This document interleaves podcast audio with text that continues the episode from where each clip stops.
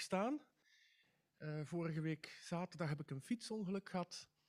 Eh, dat viel niet mee. Maar eh, ja, de eerste drie dagen daarna viel niet mee. Daarna begon het beter en beter te gaan. En ik ben blij dat het nu haalbaar is om, om hier te staan. Wat ik meegenomen heb, wat mij bemoedigd heeft, is dat ehm, vlak nadat ik op de grond lag, de man die zijn autoportier plotseling opendeed, uh, zij ja, heeft zich wel dertig keer verontschuldigd, was heel lief naar mij toe, wou me naar huis brengen. Ik ben daarop ingegaan, want ik begon steeds meer pijn te krijgen. Hij brengt mij thuis, Ermine doet de garage open. Oh, schatje, wat is er? Oh, zo heel bezorgd, zoals Ermine kan zijn, heel liefdevol. Uh, Jonathan kwam daar ook, uh, de blik in zijn ogen ook bezorgd. En die man die schreef mij twee dagen later: um, Ik zie dat je uit een warm gezin komt. En dat had mij zo goed gedaan. Ik denk, hey, ja, het was misschien maar één of twee minuten uh, of vijf minuutjes dat we daar stonden in, in de garage. En die man heeft iets gezien. En ik hoop, uh, ik zal nog contact hebben met die man, ik hoop dat ik nog iets kan delen. Uh, dat, ik heb al verteld dat ik godsdienstles gaf en hij ging alle kosten terugbetalen, dus dat is ook fijn als je daar geen discussie rond hebt. Hè. Soms is het anders, hè. dan is het discussie in een, in een verkeersongeluk of zo. Dat, dat ja, jij was een fout, jij was een fout. Uh, ik ben blij dat die discussies me allemaal bespaard gebleven zijn, dat het eigenlijk heel simpel achteraf ook te regelen zal zijn. Goed, vandaag wil ik het met jullie hebben over brood. Ja, ik weet niet of jullie het allemaal zo zien. Ja, de reclame moet ik eigenlijk weglaten. Dus uh, eigenlijk zo. Uh, dus het is niet voor één bakkerij dat ik hier reclame maak. Er is ook een... Uh, ah ja, kijk, hij staat er al op. Hè. Geef ons vandaag het brood dat wij nodig hebben. En ja, het is een alledaags gebed. Het klinkt heel goed. De meesten onder ons gaan bijna dagelijks een vers brood halen. we zijn beland in het tweede gedeelte van het Onze Vader. In het eerste deel klonk het Uw naam worden geheiligd, Uw koninkrijk komen, laat Uw wil gedaan worden op aarde zoals in de hemel. Dat, dat was het eerste gedeelte van het Onze Vader. In het eerste deel is de focus volledig gericht op God. Uw koninkrijk, Uw naam, Uw wil. Driemaal staat het ook in de gebiedende wijs. En driemaal worden onze verlangens, onze wil gekneed naar het model van Gods koninkrijk. We mogen ons focussen op wie God is als persoon en wat zijn plan en zijn wil is met ons leven. In het gedeelte van vandaag gaat het om onszelf. Eerst de focus op God, onze verlangens in zijn richting laten omvormen, ons perspectief van bovenaf laten veranderen, eerst onszelf opzij zetten en pas daarna mogen we met onze behoeften en noden bij God komen. En dat doen we niet als individu. Dat doen we samen. Geef ons. Het is niet geef mij wat ik dagelijks nodig heb, maar geef ons wat we dagelijks nodig hebben. En zo komen we samen voor Gods aangezicht. Het is een gebed dat je alleen kan bidden, maar eigenlijk bidden we het samen met de wereldwijde gemeente. En we staan samen voor zijn aangezicht. En ik wil met jullie drie dingen vandaag bespreken. Ten eerste, dagelijks brood. Wat is het? Bij elk puntje staat er ook een vraag. Tweede punt dat ik met jullie wil bespreken is ons dagelijks brood. Voor wie is het? En ten derde, wil ik met jullie bespreken dat dagelijks brood of is het onnodige rijkdom? Met andere woorden, hoeveel is dat dan, dat dagelijks brood? Ten eerste, het dagelijks brood. Wat is het? Uh, het Griekse woord dat hier gebruikt wordt is niet zo gemakkelijk te vertalen. In onze vertaling, de NBV-vertaling, de nieuwe Bijbelvertaling, staat er: Geef ons vandaag het brood dat we nodig hebben. In de herziene statenvertaling staat er, geef ons heden ons dagelijks brood. Eigenlijk vragen we God om het brood dat we dagelijks nodig hebben, om te voorzien in onze dagelijkse lichamelijke behoeften. Nu, het was in de Joodse gebedstraditie gewoon om te bidden voor het uh, levensonderhoud. En de Joden baden ook voor een goede oogst. En je ziet in de psalmen ook een danklied voor de oogst. Uh, het is een gebed. Dit, dit gebed is een gebed van afhankelijkheid van de Vader die de jaren of de seizoenen zegent. Een gebed om brood dat ons ook doet denken aan het Exodusverhaal. Uh, het manna dat elke dag uit de hemel viel. Exodus 16. Het was genoeg voor één dag. En God voorzag zijn volk jarenlang van het manna. En geloven wij dat ook, dat God ons ook jarenlang verzorgt en elke dag ons geeft dat we genoeg hebben. Nu, in de christelijke traditie, en dat is wel opmerkelijk, werd die, die aandacht voor lichamelijke behoeften een beetje genegeerd. Wat het lichaam nodig had, was minder belangrijk dan de geestelijke noden. De kerkvaders waren ook een stukje onder invloed van het Griekse denken, het dualisme, een, een tweespalt, een tegenstrijdigheid tussen lichaam en geest, waarbij ze de neiging hadden, ook de kerkvaders, om het geestelijke ja, belangrijker te zien dan het lichamelijke. Volgens Hieronymus verwees uh, het brood naar Jezus als het levende brood. Het werd vergeestelijkt. De betekenis van het brood werd vergeestelijkt. En het onderliggende probleem hier is dat het vergeestelijke van, het, van gewone dingen. Gewone dingen worden vergeestelijkt, alsof gewone dingen dan niet meer zo belangrijk zijn. En daardoor wordt het gebed als het ware weggetrokken uit het gewone leven. Het lijkt ook veel vromer om voor geestelijke dingen te bidden. Wie bidt er nu voor een brood? Of dat hij op zijn boterham iets kan smeren. Dat, dat is maar het gewone leven. Het lijkt alsof het geestelijke daar bovenuit gaat en het gewone leven, ja, dat is maar het gewone leven waar christenen zich niet te veel mee moeten bezighouden. Maar dit gebed, laat ons niet vergeten, uh, het Onze Vader, ons brood, mogen ook letterlijk nemen, maar laat ons niet vergeten dat Jezus ook 5000 hongerige mensen te eten geeft. Blijkbaar is het materiële, het biologische, onze lichamelijke behoeften toch niet zo onbelangrijk. Jezus zelf geeft er aandacht aan. Nu, dat vergeestelijke van het materiële zit diep in ons. Het is alsof wanneer we op het terrein van geloof komen, de regels van de fysica, van de biologie, eh, de economie, of dat allemaal niet langer geldt. Dat is allemaal maar de dingen van de aarde. Alsof dat minder waardig zou zijn. Gelukkig brengt het onze Vader ons terug met onze voetjes op de grond. Want voor brood moet je werken.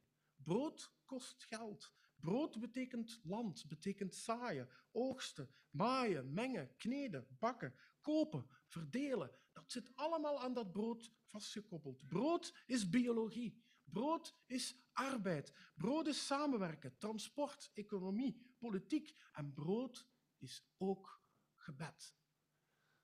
Het brood dat we dagelijks nodig hebben. Als we het heel letterlijk nemen, we mogen ook bidden voor die eenvoudige dagelijkse behoeften. We mogen bij alles bij God komen. De Amerikaanse psycholoog Abraham Maslow, ik wil daar niet heel veel aandacht aan geven, maar toch even aanhalen, die spreekt over de behoeftepiramide. Eh, sommigen van jullie hebben dat misschien nog op school gehad. Kort gezegd, de mens heeft verschillende behoeften. De lichamelijke behoeften, eten, slapen, veiligheid, sociaal contact, waardering door anderen, er zit misschien ook de liefde bij, zelfverwerkelijking, met andere woorden, kunnen doen wat je roeping is, en ten zesde, zichzelf kunnen overstijgen. Hij noemt dat dan allemaal op in stijgende lijn. Nu, veel kun je hierover zeggen, we gaan dat hier kort houden, maar, want ja, vanmorgen hebben we het gehoord, hè? de preken zijn te lang, dus we moeten het kort houden. Uh, we kunnen eigenlijk vaststellen, de mens heeft basisbehoeften. En die mogen we allemaal bij God brengen. En ze worden hier in het Onze Vader in één woord samengevat. Brood dat we dagelijks nodig hebben. Al onze basisbehoeften. En we mogen dat verbreden tot onze gezondheid, sociale contacten, recht op onderwijs, vrije meningsuiting, veiligheid. Alles wat we nodig hebben voor ons menselijk welbevinden. Om voor God onze taak op aarde te kunnen doen. Ons dagelijks brood. Dat wat we dagelijks nodig hebben. Nu, die brede interpretatie sluit ook aan met de grote catechismus van Luther, de grote reformator. Die heeft gezegd, het brood is alles wat nodig is voor het behoud van het leven. Zoals voedsel, gezond lichaam, goed weer, een woning, een thuis, een levenspartner, kinderen, goed overheidsbestuur en vrede. Voor al die dingen mogen we bidden. We mogen voor onze overheid bidden, dat ze goede beslissingen mogen nemen, enzovoort. We mogen bidden in en door allerlei rampen die ons overkomen als mensheid, of in uw persoonlijk leven, ziekte, uh, moeilijke tijden, oorlog, revolutie. Alles, alles mogen we bij God brengen. Alles wat we dagelijks nodig hebben. Onze angsten, uh, dat de Heer ons daar ook in tegemoet komt. Ons dagelijks brood ja, is niet alleen die heel eenvoudige uh, behoefte naar letterlijk brood eten, maar wat we dagelijks nodig hebben om de Heer te kunnen dienen. Tweede punt voor vandaag, ons dagelijks brood. Voor wie is het? Voor wie is het? Het gebed richt zich op de basisbehoeften niet alleen van onszelf, maar van alle mensen.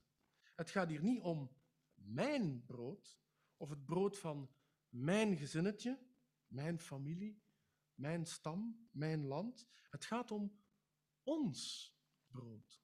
Ons brood. En zo nemen we de noden van de anderen mee in ons gebed van onze eigen noden. We zijn zelf uh, behoeftig. We roepen het uit naar God, maar wanneer de noden van anderen nemen we mee. Geef ons ons dagelijks brood. Het is de opdracht van de kerk om te bidden voor het brood in de wereld. En op die manier vormt dit gebed een verzetsdaad tegen alle onrechtvaardige verdeling van de natuurlijke bronnen in de wereld. We kunnen het niet maken om te bidden, geef ons ons dagelijks brood en ondertussen anderen uitbuiten. Jacobus in het Nieuwe Testament stelt dat heel scherp, hele scherpe woorden. Jacobus 5, vers 4. Hoor de klacht van het loon dat u de arbeiders die uw velden maaien hebt onthouden. Het geroep van de maaiers is tot de Heer van de hemelse machten doorgedrongen. Ik denk dat er vandaag heel wat geroep is van mensen die uitgebuit worden. En de Heere hoort dat.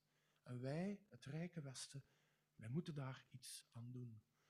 Je kunt er als enkeling niet veel aan doen, maar wat we wel kunnen doen, is ons steentje bijdragen. We denken aan de vele landbouwers en arbeiders die betrokken zijn bij het hele proces van graankorrel tot brood. We denken aan de landbouwers en de arbeiders die zorgen voor groente, voor fruit, voor vlees, die, aan, die eh, op elk mogelijk tussenstapje van de voedselketen staan. En hopelijk, en we hopen en we verlangen dat het zo eerlijk mogelijk gaat. Samen met alle werkende mannen en vrouwen bidden we, geef ons ons dagelijks brood. En dat gebed kan niet alleen een gebed van onze lippen zijn. Het gebed zet ons zelf ook aan om op een rechtvaardigere manier te handelen. Je wordt wat je bidt. Je wordt wat je bidt. Het begint met gebed. En dan gaat God je hart veranderen en je wordt wat je bidt. We kunnen de wereldproblemen niet oplossen. Ook niet als kerk, ook niet als land, als België. Uh, maar het is wel onze opdracht om concreet te bidden voor de dagelijkse behoeften van een ander. En als we daarmee bezig zijn en we nemen de nood van een ander samen met onze nood en gaan zo naar God, dan begint onze verantwoordelijkheid. Dan kunnen we misschien ook een steentje bijdragen, daar waar we kunnen. En in onze nabije omgeving, degenen die behoeftig zijn, helpen. Ons brood voor wie? Voor onszelf, voor ons gezin, voor onze gemeente, maar zeker ook voor een wereld waarin heel veel armen en behoeftigen ons nodig hebben. Een derde punt, kun je afvragen, ja, dagelijks brood, wat is dat dan? Onnodige rijkdom tegenover elkaar afgewogen. Wat zijn onze basisbehoeften en wat hebben we dan eigenlijk niet nodig? Hoeveel is dat, ons dagelijks brood? Dat is de derde vraag. Als we kiezen voor een brede interpretatie, zoals we gedaan hebben, zoals Luther ook gedaan heeft, uh, dan komt de vraag, hoe ver gaan we met onze gewone verlangens? Wat hebben we echt nodig en wat is overbodige luxe?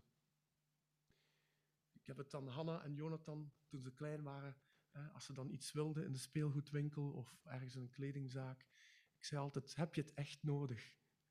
Ja, jaren later stond ik in een kledingswinkel, had ik iets vast en Jonathan tegen mij, heb je het echt nodig, papa? ja, heb je het echt nodig? Onnodige rijkdom. Is het een basisbehoefte? Wat hebben we echt nodig en wat is overbodige luxe? En is daar ook nog iets tussenin? De Bijbel leert ons dat er inderdaad een wijze middenweg is tussen arm en rijk. En ik wil jullie meenemen naar Spreuken 30, zeer interessant vers, of een paar versen, versen 7 tot 9 uit Spreuken 30. Twee dingen vraag ik u. Gun ze me zolang ik leef. Houd me ver van leugen en bedrog. En dan komt het. Maak me niet arm, maar ook niet rijk. Voed me slechts met wat ik nodig heb. Want als ik rijk zou zijn, zou ik u wellicht verloochenen. Zou ik kunnen zeggen, wie is de Heer? En als ik arm zou zijn, zou ik stelen en de naam van God te schande maken. Ik vind dat een mooi evenwichtig vers. Niet te rijk, niet te arm. Ertussenin. Zowel armoede als rijkdom kunnen zwaar op ons drukken, zijn zwaar om te dragen. Beide hebben hun nadelen. Het nadeel van rijkdom is dat het in je onverstand kan het je ja, blootstellen aan allerlei verleidingen. We bidden dus niet het gebed van de Nationale Loterij, maak mij schandalig rijk. Dat bidden we niet. Rijkdom op zich is niet verkeerd. Integendeel, het kan ook als een zegen worden gezien. Het is het verlangen naar rijkdom en het verlangen dat nooit stopt, de hebzucht, de geldzucht, dat een groot probleem is en in de Bijbel ook zo bestempeld wordt. Maar rijkdom op zich, als het je gegeven wordt, als de Heer in overvloed zegent, ook op materieel vlak, is iets wat je veel zorgen kan besparen en wat je, en dat is belangrijk, wat je veel mogelijkheden geeft om anderen te helpen. Dus rijk zijn kan goed zijn, hangt er maar vanaf wat je ermee doet. Je kan er anderen mee helpen. Rijkdom leidt ook tot extra verantwoordelijkheden tegenover armen. Want onze rijkdom is nooit absoluut. We zijn maar rentmeesters van hetgeen ons is toevertrouwd. En dat zowel persoonlijk als collectief. Het gebed, is een, of het gebed van het Onze Vader is een aanklacht tegen de onevenredige verdeling van de productiemiddelen binnen onze consumptiemaatschappij. En dan denk ik heel concreet aan de vaccinatiecampagne. Hier in België zijn we bezig vaccineren, niet vaccineren, 80% vaccinatiegraad. Wel in Afrika zijn er landen waar 3 tot 5% van de bevolking gevaccineerd is. En dan zie je weer een tweespalt tussen de rijke en de arme landen. Dat is jammer. Dat is waar het onze vader ook tegen ingaat, tegen die onevenredige verdeling. Rijke landen zouden rentmeesters en zijn slechts rentmeesters van de aardse goederen en zouden hun verantwoordelijkheid moeten nemen om de armere landen te helpen en ook de komende generaties. Het gebed voor dagelijks brood steunt een economie van het genoeg. Wat is genoeg? Hè? We leren tevreden te zijn met het manna van elke dag. Dat is een goeie, hè? We leren tevreden zijn met het manna van elke dag. We leren om niet verslaafd te raken aan een oneindige groei en winstmaximalisatie. Altijd maar meer. Daar mogen we niet verslaafd aan worden. Genoeg. Maar hoe ziet die middenweg er dan uit? Want dit is allemaal mooie theorie. Hoe breng je dat dan in de praktijk? Dat is een heel lastig thema. Voor we het weten, gaan we elkaar afmeten en veroordelen naar onze eigen subjectieve gevoelens daar rond. Dat is niet de bedoeling. Ik denk dat de context belangrijk is. Ik heb geen eenduidig antwoord, maar ik denk dat de context heel belangrijk is. Je ervaart rijkdom en armoede in de relatie tot, in een specifieke situatie. Voor een arm land als Ethiopië zijn alle westerlingen rijk. Maar als je dan in het westen komt, in een land als België, en je hebt een leefloon in de ogen van iemand van Ethiopië is zelfs zo iemand rijk, maar als je dan hier bent en je hebt een leefloon en je woont naast iemand met een riante villa, dan voel je je als leefloner, als ik het zo mag zeggen, is niet onerbiedig bedoeld, maar dan voel je je arm ten opzichte van de riante villa die naast je staat, of de persoon die daarin woont. Je ervaart je tekort dagelijks. En wanneer je voldoende hebt om te leven, hier in België, maar je hebt een kind dat ziek is en dat een heel duur medicijn nodig heeft, dat niet terugbetaald wordt door het ziekenfonds, dan ervaar je heel pijnlijk je armoede.